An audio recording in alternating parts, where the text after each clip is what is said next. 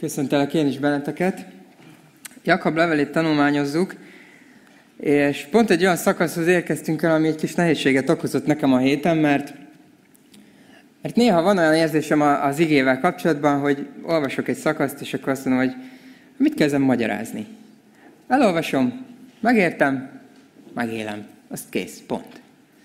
És szeretném, hogy majd picit kössük össze a, az egyszerű elméletet a kicsit bonyolultabb gyakorlattal.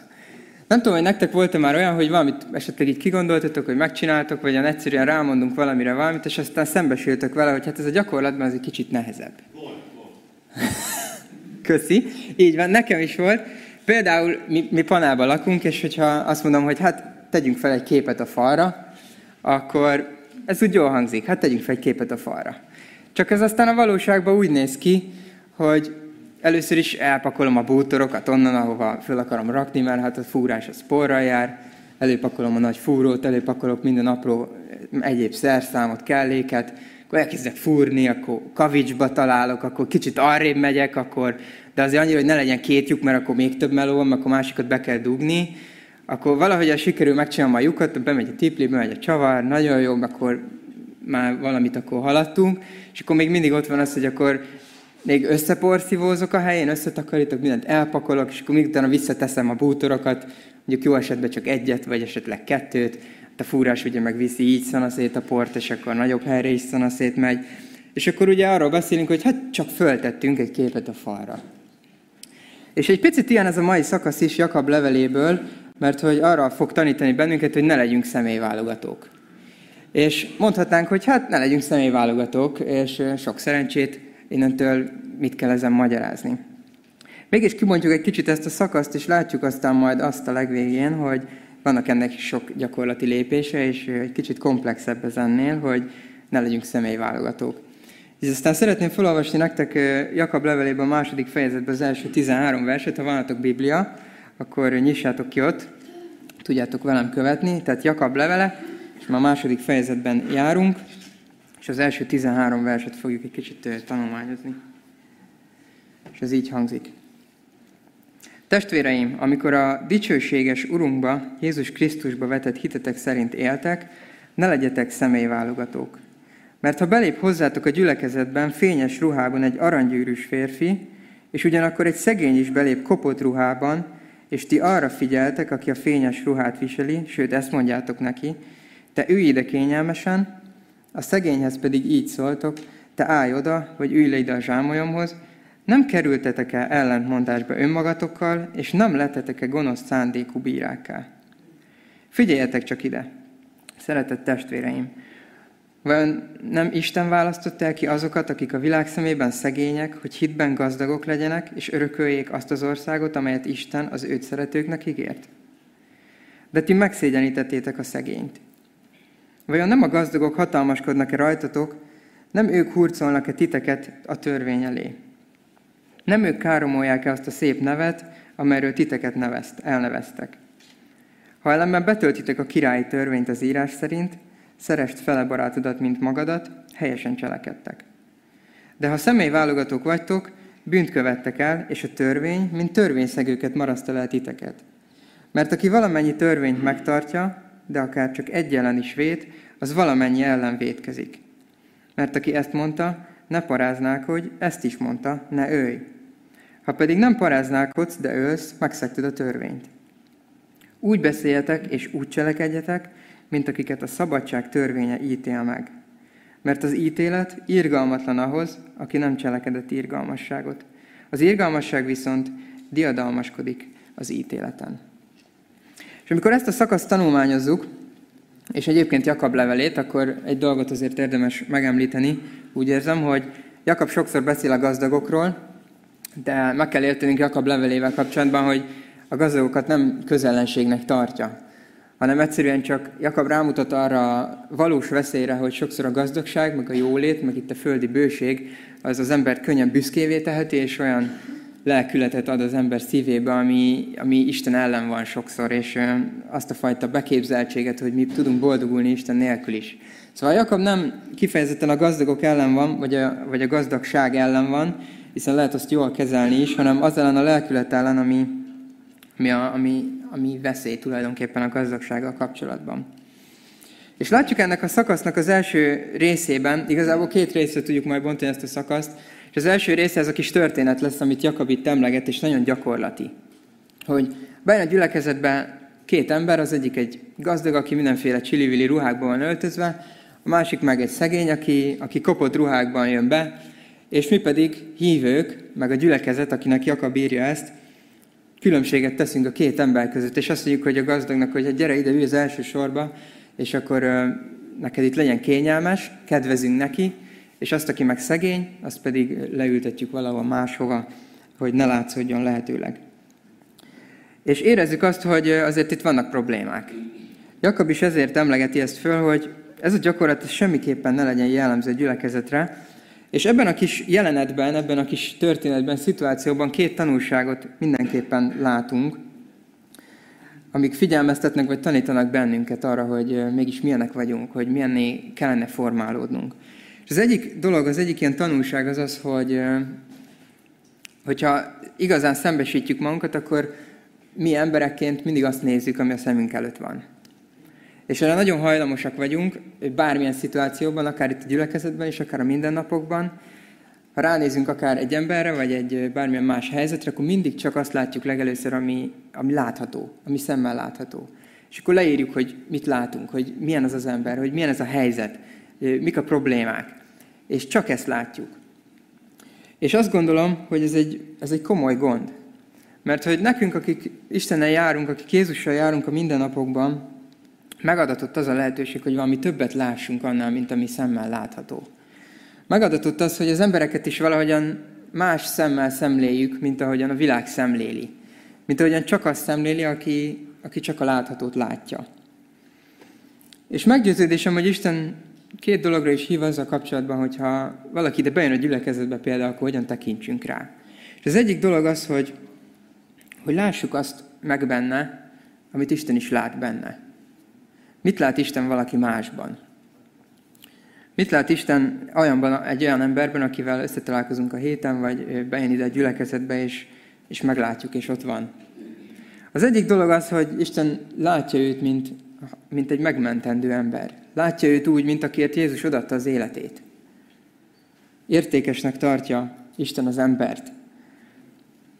A másik dolog pedig, amit Isten lát az emberrel kapcsolatban, velünk kapcsolatban is, és mindenki mással kapcsolatban is, és szerintem hív erre is bennünket, hogy lássuk azt, hogy Isten bármivé átformálhat valakit. És amikor bejön valaki, vagy szembe jön velünk valaki, és megvannak már az előítéleteink vele kapcsolatban, akkor eszünkbe kell jusson az, hogy ez az embert most ilyennek látom. De előfordulhat, hogy egy idő múlva, egy, vagy, vagy valamilyen történés hatására, amit Isten megenged az életébe, ez az ember egészen más milyenné tud formálódni. És ha nem adjuk meg egymásnak az esélyt, ha nem adjuk meg a körülöttünk levőknek az esélyt arra, hogy az evangélium átformálja az emberek életét, akkor teljesen felesleges a mi. És ezt egy nagyon fontos észben tartani a személyválogatással kapcsolatban, vagy azzal kapcsolatban, amikor valakiről valamilyen véleményt alkotunk csak saját magunkban akár, vagy látjuk őt valahogy. Ha nem adjuk meg Istennek az esélyt, hogy ezt az embert bármivel átformálja, akkor erőtlen az az evangélium, amiben hiszünk. Nagyon sokszor azon kell kapnom magamat is, hogy amikor hozzáállok valaki máshoz, amikor gondolkodok valaki másról, akkor az egyfajta leképezés annak, hogy amúgy az Istennel való kapcsolatom éppen milyen állapotban van. Amikor látok valaki mást, és megítélek valaki mást, akkor, akkor az egy kis bizonyítvány számunkra, hogy amúgy mi, mi hogyan vagyunk ma Istennel. Hogyan vagyunk abban a helyzetben Istennel. Milyen a mi szívünk valójában belül. Úgyhogy ez is egy kis figyelmeztetés számunkra. És a második tanulság, amit látunk ebben a, ebben a kis jelenetben, ami, amit lezajlik tulajdonképpen egy ilyen gyülekezeti összejövetelen, az az, hogy Jakab figyelmezteti ezt a gyülekezetet, hogy, hogy Isten kiket választott ki. Hogy Isten kiket választott ki, és hogy mi mi alapján válogatunk, idézőjelben, vagy válogathatunk, vagy éppenséggel ugye nem válogathatunk. Mert hogy szeretnék a, a visszatérni másik szakaszokhoz, amiket még Pál ír a korintusi gyülekezetnek, az első korintusi, első korintusi levélből, az első fejezetből felolvasnék néhány verset, ami nagyon hasonlít arra, amit itt Jakab is említ. Mert hogy Jakab azt mondja, hogy hát nem az Isten választotta ki a szegényeket, mert valami célja van velük. Hogy mindjárt ezt látjuk. És azt, azt írja Pál, nagyon hasonlóan Jakabhoz, az 1 Korintus 1.26-tól. És ez igaz ránk is amúgy. Mert nézzétek meg, nézzétek csak meg a ti elhívásotokat, testvéreim. Nem sokan vannak köztetek, akik emberi megítélés szerint bölcsek, hatalmasok vagy előkelők. Sőt, azokat választotta ki Isten, akik a világ szemében bolondok, hogy megszégyenítse a bölcseket, és azokat választotta ki Isten, akik a világ szemében erőtlenek, hogy megszégyenítse az erőseket. És azokat választotta ki Isten, akik a világ szemében nem előkelők, sőt lenézettek, és a semmiket, hogy semmikét tegye a valamiket. Hogy egyetlen ember se dicsekedjék Isten színe előtt. Az ő munkája az, hogy ti Krisztus Jézusban vagytok, őt, őt tette nekünk Isten bölcsességé, igazsággá, megszentelődésé és megváltásá. Szóval Pálapostól és Jakab is arra figyelmeztet bennünket, hogy amikor megítélgetünk valakit, hogy milyen nyomorult, hogy milyen szegény, és úgymond megalázzuk azzal, hogy megkülönböztetjük másoktól, akkor emlékeztet bennünket, hogy mi ugyanolyan nyomorultak vagyunk előtte, mint az az ember. Hogy nézzünk rá arra, hogy kik vagyunk, hogy ki a gyülekezet, hogy milyen a gyülekezet. Nem azok, a, nem azok az Isten választottai, akik a világ szemében is előkelők és hatalmasok, hanem Isten abban leli kedvét, hogy felemelje a nyomorultat. És nagyon érdekes, ahogyan Pál maga, maga gondolkodik saját magáról ilyen tekintetben, mert a kettő korintus levélben pedig saját magáról egy hosszas felsorolást támad, és nem olvasom fel az egészet, csak a legvégét. A hatodik fejezetnek a tizedik verse ez egyébként, hogy Pál, mint Isten szolgálja, úgy gondolkodik magáról, mint szomorkodók, hogy mármint ők maguk, akik együtt szolgáltak, mint szomorkodók, de mindig örvendezők, mint szegények, de sokakat gazdagítók, mint akiknek nincsen semmiük, és akiké mégis minden. És valahogyan ezt kellene meglátni azzal kapcsolatban, amikor emberekről gondolkodunk a gyülekezetben, meg magunkról gondolkodunk, és érezi ennek a, ennek a gondolatnak és ennek az identitásnak a szabadságát. Az, hogy esendők vagyunk, hogy nyomorultak vagyunk, hogy nagyon sok helyzetben nincsenek érdemeink, és Isten előtt egyáltalán nincsenek érdemeink, és valahogyan mégis azt látjuk, hogy nincsen semmink, és ha semmink nincs, még akkor is valahogyan minden a miénk. És nem tudom, érzitek-e azt, hogy amit itt Pálapostól beszél saját magukról, és amit az előbb itt a gyülekezetről írt, abban azért messze több van annál, mint ami valójában szemmel látható. Van itt valami mögöttes dolog, van itt valami mögöttes tartalom, ami a valódi értéket adja az emberek életében.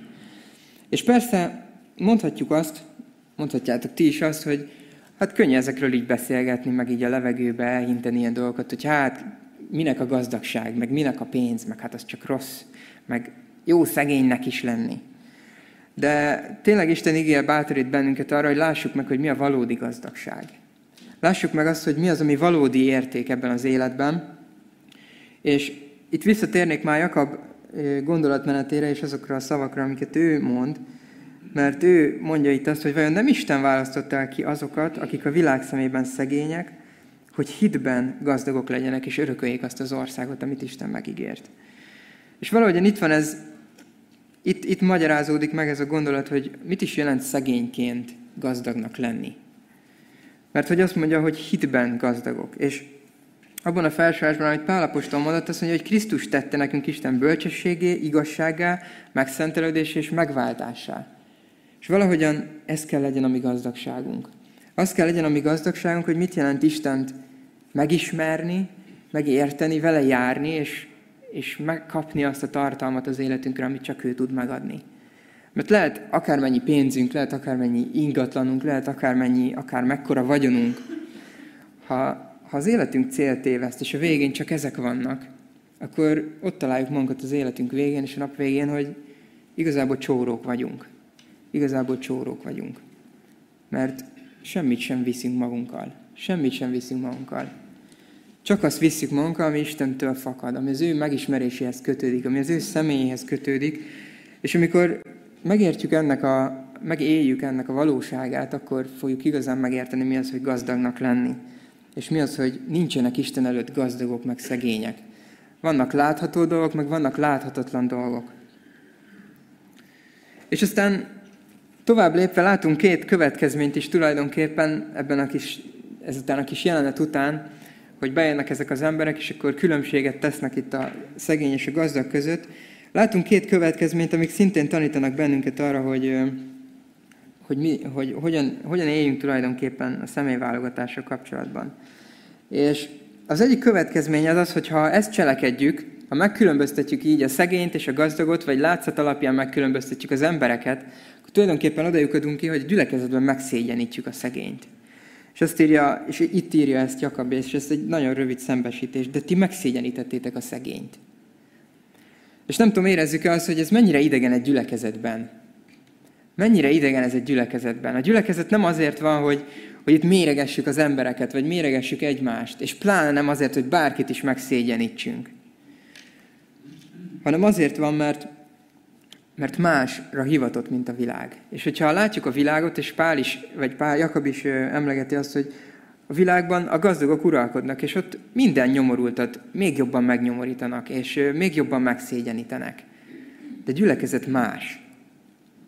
Ez a hely egy másik ország. Amikor ide valaki belép, akkor más szabályok vonatkoznak ilyen téren ránk. És ilyen téren más szabályoknak kell vonatkozniuk ránk. Mert az Isten gyülekezete az, ahol a nyomorultak összegyülekeznek. Mert hogy mi magunk is sok tekintetben nyomorultak vagyunk, akár a kapcsolataink terén, akár a, a családunk dolgaiban, akár szakmailag, akár bármilyen más kudarcokat megélve, átélve, keresztül menve rajtuk, láttunk el azt, hogy milyen nyomorult a mi életünk és a szívünk. És nagy szükségünk van arra, hogy bejöjjve a gyülekezetbe, ne azzal találjuk szembe magunkat, hogy megszégyenítenek bennünket, hanem ezzel szemben arra hivattunk, hogy felemeljük az embereket, hogy felemeljük egymást. Hogy amikor ide jön egy nyomorult, akkor, akkor gyógyír találjon a sebeire. Amikor ide jön egy nyomorult, akkor, akkor meggyógyuljon az élete, az evangélium által. És azáltal, hogy megismeri azt az Istent, azt a Jézust, akit mi itt hirdetünk. És ez is egy nehézség nyilván, mert nem azt mondom, hogy a Szabad Evangélium gyülekezet világbajnok abban, hogy felkarulja a nyomorultakat, és azokat, akik tényleg mondjuk anyagi értelemben szegények a világban, de mégis látnunk kell azt, hogy erre hivattunk, hogy összegyűjtjük a csonka bonkákat, hogy, hogy helyet adjunk annak, hogy Isten itt megújítsa, megváltoztassa az embereket. És ez nehézségekkel jár, ez nehézségekkel jár, de Isten nem mondta azt, hogy ez könnyű lesz, hanem az, hogy itt ő meg akar változtatni életeket, és életre akar kelteni halottakat. És a másik következmény pedig, amit látunk, és itt már Jakab belemegy egy picit a, a, a szakasz második témájába, tulajdonképpen összeköti ezzel a nyolcadik verssel, hogy azzal szemben, hogy megkülönböztetünk embereket, inkább töltsük be az Isten törvényét, amiben az áll, hogy szerest fel a barátodat, mint magadat. És azt mondja, hogy ha ezt cselekedjük, akkor helyesen cselekszünk. És ez a másik dolog, másik következmény, másik tanulság, hogy ha felismerjük a problémát, az, hogy mi valójában személyválogatók vagyunk, és igenis különbséget teszünk emberek között, a külség alapján is akár, akkor van arra lehetőségünk, hogy helyesen cselekedjünk. Van arra lehetőségünk, hogy az Isten szerint éljünk, és változtassunk a gyakorlatunkon. És amikor egy kicsit mindjárt beszélek majd erről is, hogy hogyan tudjuk egyáltalán megélni Isten törvényét, amikor ahhoz közeledünk, az a lelkülethez közeledünk, hogy valóban szeretjük egymást úgy, mint magunkat, akkor jön be az, hogy igazából az ige alapján lehet különbséget tenni az ember és ember között. Egy ilyen eset van, amikor magad és mások között teszel különbséget. És azt mondja Pál, hogy alázattal különnek tartsátok egymást magatoknál. Szóval lehet különbséget tenni, és ez azt jelenti, hogy a másikat különnek tartom magamnál. De két másik ember között ne tegyünk különbséget.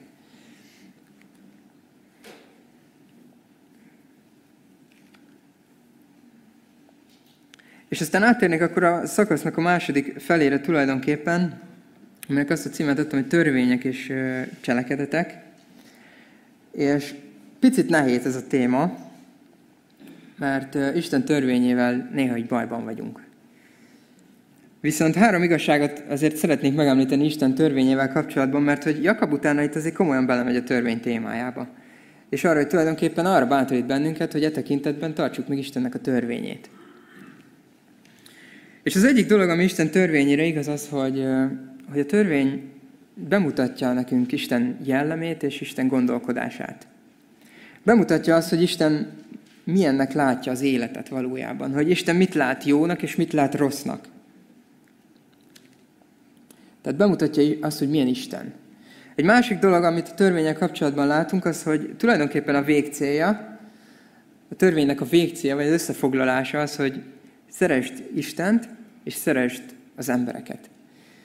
Azt mondja, Jézus is így foglalja össze, és egyébként maga a, a Mózes 5. könyvében is olvasunk erről, hogy Isten arra hív bennünket, hogy szeressük őt mindenünkkel. Teljes lelkünkből, teljes erőnkből, teljes szívünkből, és szeressük fele barátunkat, mint magunkat. Szóval Isten törvényének a végcélja valahogyan ez, egy helyes kapcsolat vele, és helyes kapcsolat az emberekkel. És az a helyzet, hogy ebben azért mind a két területben sokat védkezünk.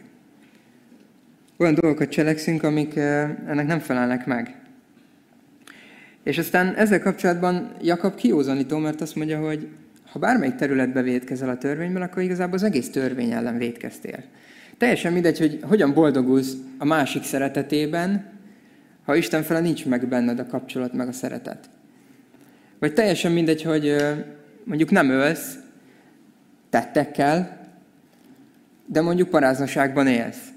Mert az Isten arra hív, hogy a házasságban van helye a szexuális kapcsolatnak is például, hogy ne paráználkodjunk.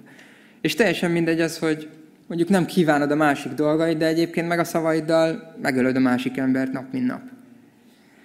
És Jakab rámutat erre az egyszerű igazságra, hogy tulajdonképpen Isten, törvényszeg, Isten törvényszegőnek lát bennünket, Isten törvényszegő, Isten törvényének a megszegői vagyunk, ha nem tartjuk be teljes egészébe a törvényt. És ezért ez nagy teher. És a harmadik dolog, amit a törvényen látunk, az tulajdonképpen ez, hogy képtelenek vagyunk boldogulni ezzel magunkban.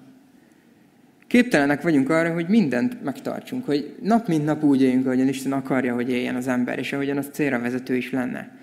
Mert bűnben vagyunk, mert olyan állapotban van az életünk, hogy meg kell menteni bennünket. Mindaz, ami körülvesz, arra sarkal minket a világban, hogy, hogy védkezzünk tulajdonképpen. Minden reklám, minden plakát arra, arra akar rávenni minket, hogy mi igenis kívánjunk dolgokat, hogy igenis vegyünk meg dolgokat, és hogy az nem elég, ami van. Vagy emlegethetnénk bármilyen más rendelkezését Istennek, ott fogjuk találni magunkat, hogy valahol van, van valami, ami hibázik.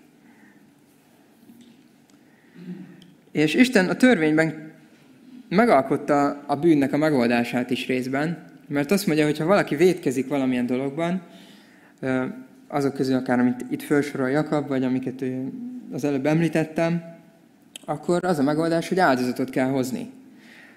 Hozni kell egy áldozatot, feláldozni Isten előtt egy állatot, és aminek a, aminek a vére engesztelést szerez a bűnökért, és elfedez bűnöket. Ez Isten törvénye. Tehát kifejezi Isten jellemét, vagy megmutatja Isten jellemét és gondolkodását, megmutatja azt, hogy a végcélja Istennek az, hogy vele és az emberekkel is szeretett kapcsolatban éljünk, és megmutatja a törvény azt is, hogy elveszettek vagyunk.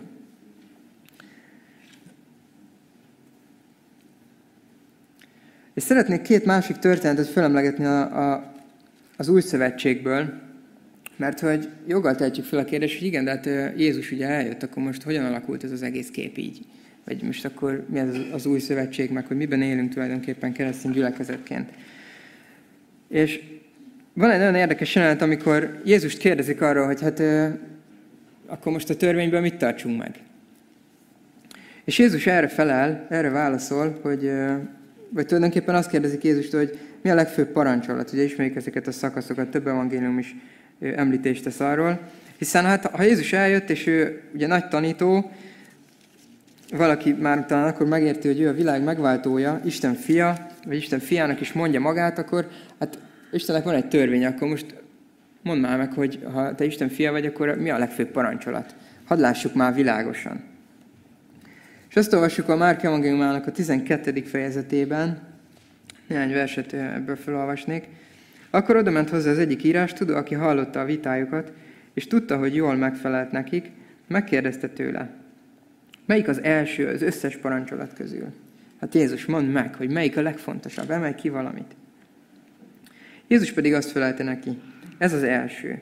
Hald Izrael, az Úr, ami Istenünk, az egyetlen Úr. Szeresd azért az Urat, a te Istenedet teljes szívedből, teljes lelkedből, teljes elmédből és minden erőddel. Ez az első parancsolat. A második pedig ehhez hasonló, szerest fele barátodat, mint magadat. Nincs más ezeknél nagyobb parancsolat. Akkor ezt mondta neki az írástudó. Jól van, mester, helyesen mondtad, hogy egy Isten van, és rajta kívül nincs más. És szeretni őt teljes szívből, teljes elméből, teljes lélekből és teljes erőből, és hogy az ember szeresse fel a barátját, mint önmagát. Többet érez minden égő áldozatnál és véres áldozatnál. Jézus pedig látva, hogy bölcsen felelt, azt mondta neki, nem vagy messze az Isten országától. Mi történik itt? Jézus megkérdezik, hogy mi a legfőbb parancsolat, és ő elmondja ezt a kettőt. És utána az az írás tudó azt mondja, hogy hát igen, valójában megélni azt, hogy szeretjük Istent, és valójában megélni azt, hogy szeretjük egymást, az többet ér minden olyan áldozatnál, amit az Ószövetségben be lehet mutatni. Mert hogy az Ószövetségben, ha visszatekintünk, akkor egy idő után mi történt? Az emberek védkeztek, bemutattak egy áldozatot, és akkor minden rendbe lett. És akkor eluralkodik bennünk az a hozzáállás, akár talán egyébként hívőként is beleesünk hasonló csapdákba, hogy védkezünk, semmi probléma, bemutatunk majd egy áldozatot, és akkor rendben van, Isten meg megbocsát, mert neki az a dolga. És Isten egy idő után azt mondja, hogy én nem kérek több áldozatot, mert utálatosak az áldozataitok, mert ez a lelkület van bennetek. Semmi törekvés nincsen bennetek a szentségre, semmi törekvés nincs bennetek arra, hogy valójában olyan életet éltek, ami nekem tetszik, hogy ne hozzatok több áldozatot, mert az áldozat nem erre van. És ilyen módon csinálnak viccet és játékot abból, hogy mit jelent a szent élet, és mit jelent az Istennel való kapcsolat, és a vele való igazi járás. És itt van ebben a beszélgetésben, amit felolvastunk, ennek a lényege, hogy ez az írás tudó valahogyan megérti azt, hogy az igazi élet Istennel, az, hogy valójában szeretjük őt, és szeretjük az embertársainkat, és ezt megéljük a szívünkből, és nem parancsolat miatt, az többet ér annál, hogy áldozatokat mutatunk be neki, hogy aztán jóba legyünk. És Jézus akkor mondja ezt neki, hogy nem vagy messze az Isten országától, hogy kezdesz érteni valamit abból, hogy miről szól valójában az Istennel való kapcsolat. Nem cselekedetekből és nem törvény általi előírásokból és azoknak a szertartásos betartásából, hanem abból, hogy valóban kapcsolatod van Istennel. Viszont akkor Szóval látjuk azt, hogy Istennek a szív kell, nem az áldozat. De hogy mindezeket látva, még mindig föltetjük azt a kérdést, hogy akkor azért hogyan kerülünk be az Isten országába? Mert mi nem közel akarunk lenni ahhoz, hanem benne akarunk lenni. Ez az írás tud odáig eljut Jézus alapján, hogy te nem vagy messze. De azért a nem messze, az még nincs benne. És itt egy másik történetet szeretnék még felhozni, amit mi szintén Jézussal, és egyébként Máté elhívásával kapcsolatos. Ezt nem is olvasom föl. Máté, ugye az egyik evangélista leírja azt, hogy hogyan szólította meg őt Jézus, és hogyan hívta előtt a tanítványának. És amikor ez a kis jelenet lejátszódik, hogy őt elhívja onnan az, a vámszedő asztaltól Jézus, akkor a farizeusok meg az írástudók elkezdenek zúgolódni, hogy hát Jézus, te bűnösökkel leszel együtt. Te miért ülsz asztalhoz olyanokkal, akik, akik gyalázatos dolgokat csinálnak, meg becsapnak, meg kisákmányolnak, meg hazudnak, meg paráznaságban élnek? Miért vagy kapcsolatban ezekkel? És akkor Jézus azt mondja nekik, hogy, hogy menjetek el, és tanuljátok meg, mit jelent ez. Irgalmasságot akarok, és nem áldozatot. Mert nem azért jöttem, hogy az igazakat hívjam, hanem hogy a bűnösöket. És van itt Jézusnak egy kis megszólalása, ez, hogy irgalmasságot akarok, és nem áldozatot.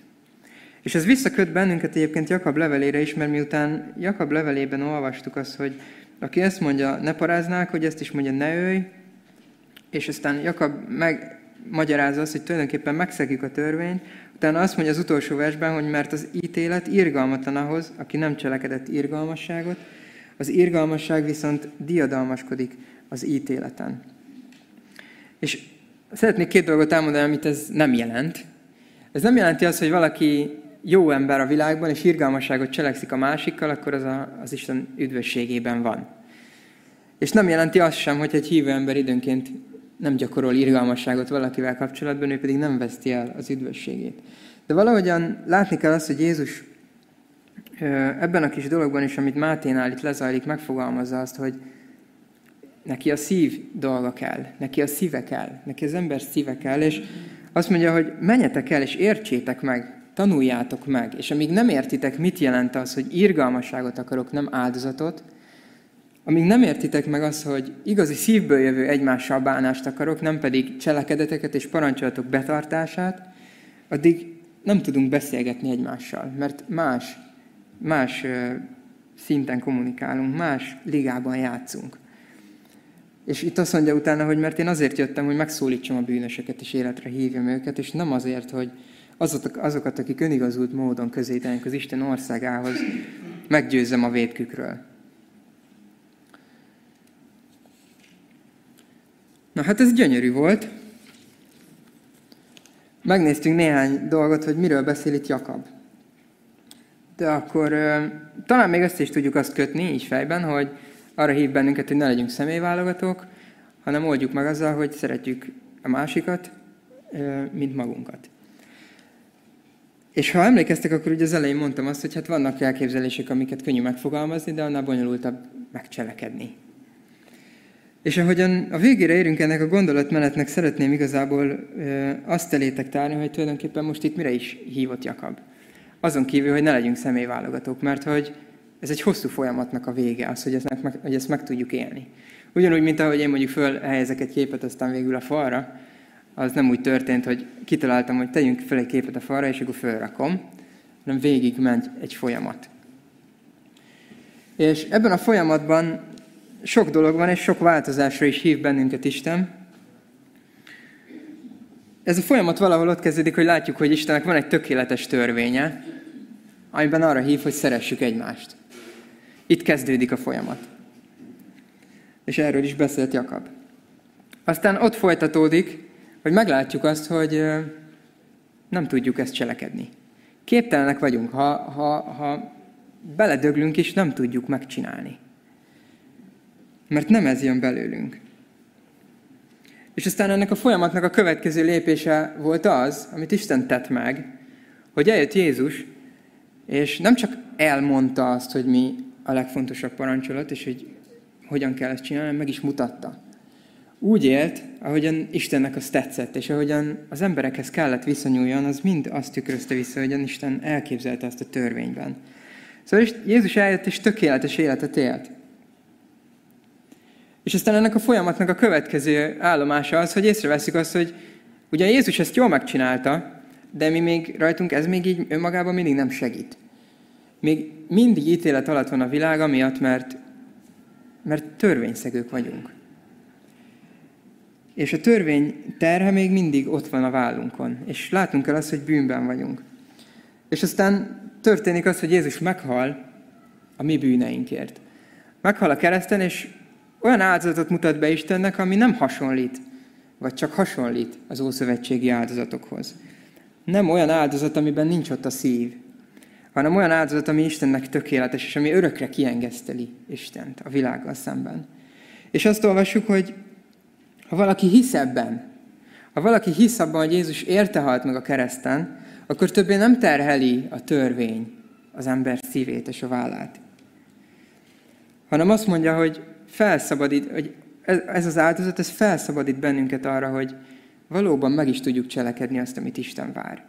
Mert hogy miután Jézus elment a mennybe, a feltámadása után az ő lelkét adta belénk, és azt mondja Jézus, hogy aki hisző benne, annak az ő lelkét, az ő szent lelkét adja az életébe, a szívébe, és nem a saját erőködésünk lesz az, amit ki kell facsarni, hogy szeressük egymást, hanem akiben az Isten adja az ő lelkét, az megéli a törvényt, az megéli azt, hogy szeretjük egymást, és nem válogatunk, egymá- nem válogatunk az emberek között, vagy nem vagyunk személyválogatók.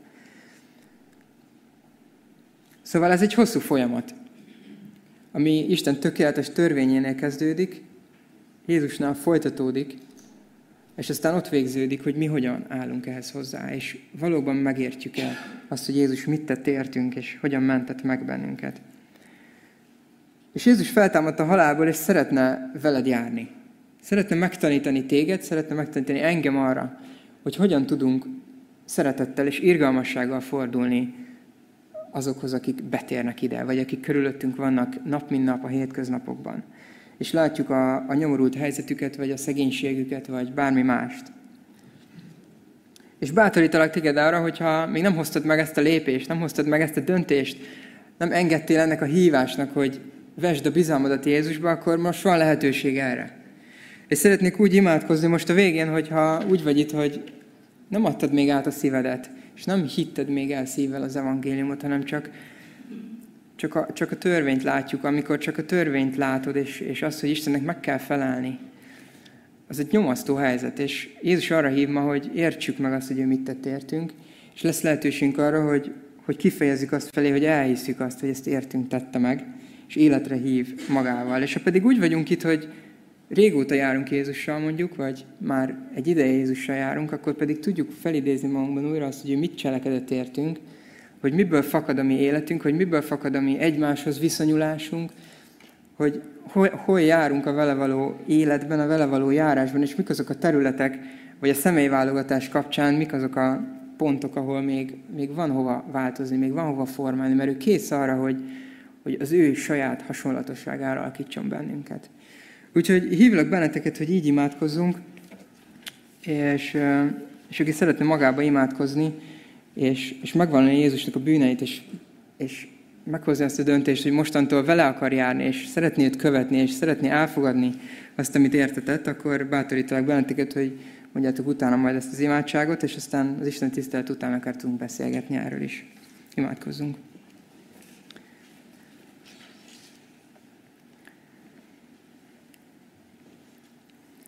Jézus, nagyon köszönjük neked azt, hogy eljöttél a földre. Nagyon köszönjük neked azt, hogy, hogy tökéletes életet éltél. Látjuk azt és bevalljuk azt, hogy törvényszegők vagyunk. Olyan a szívünk, ami újra és újra ellened és az Isten ellen cselekszik.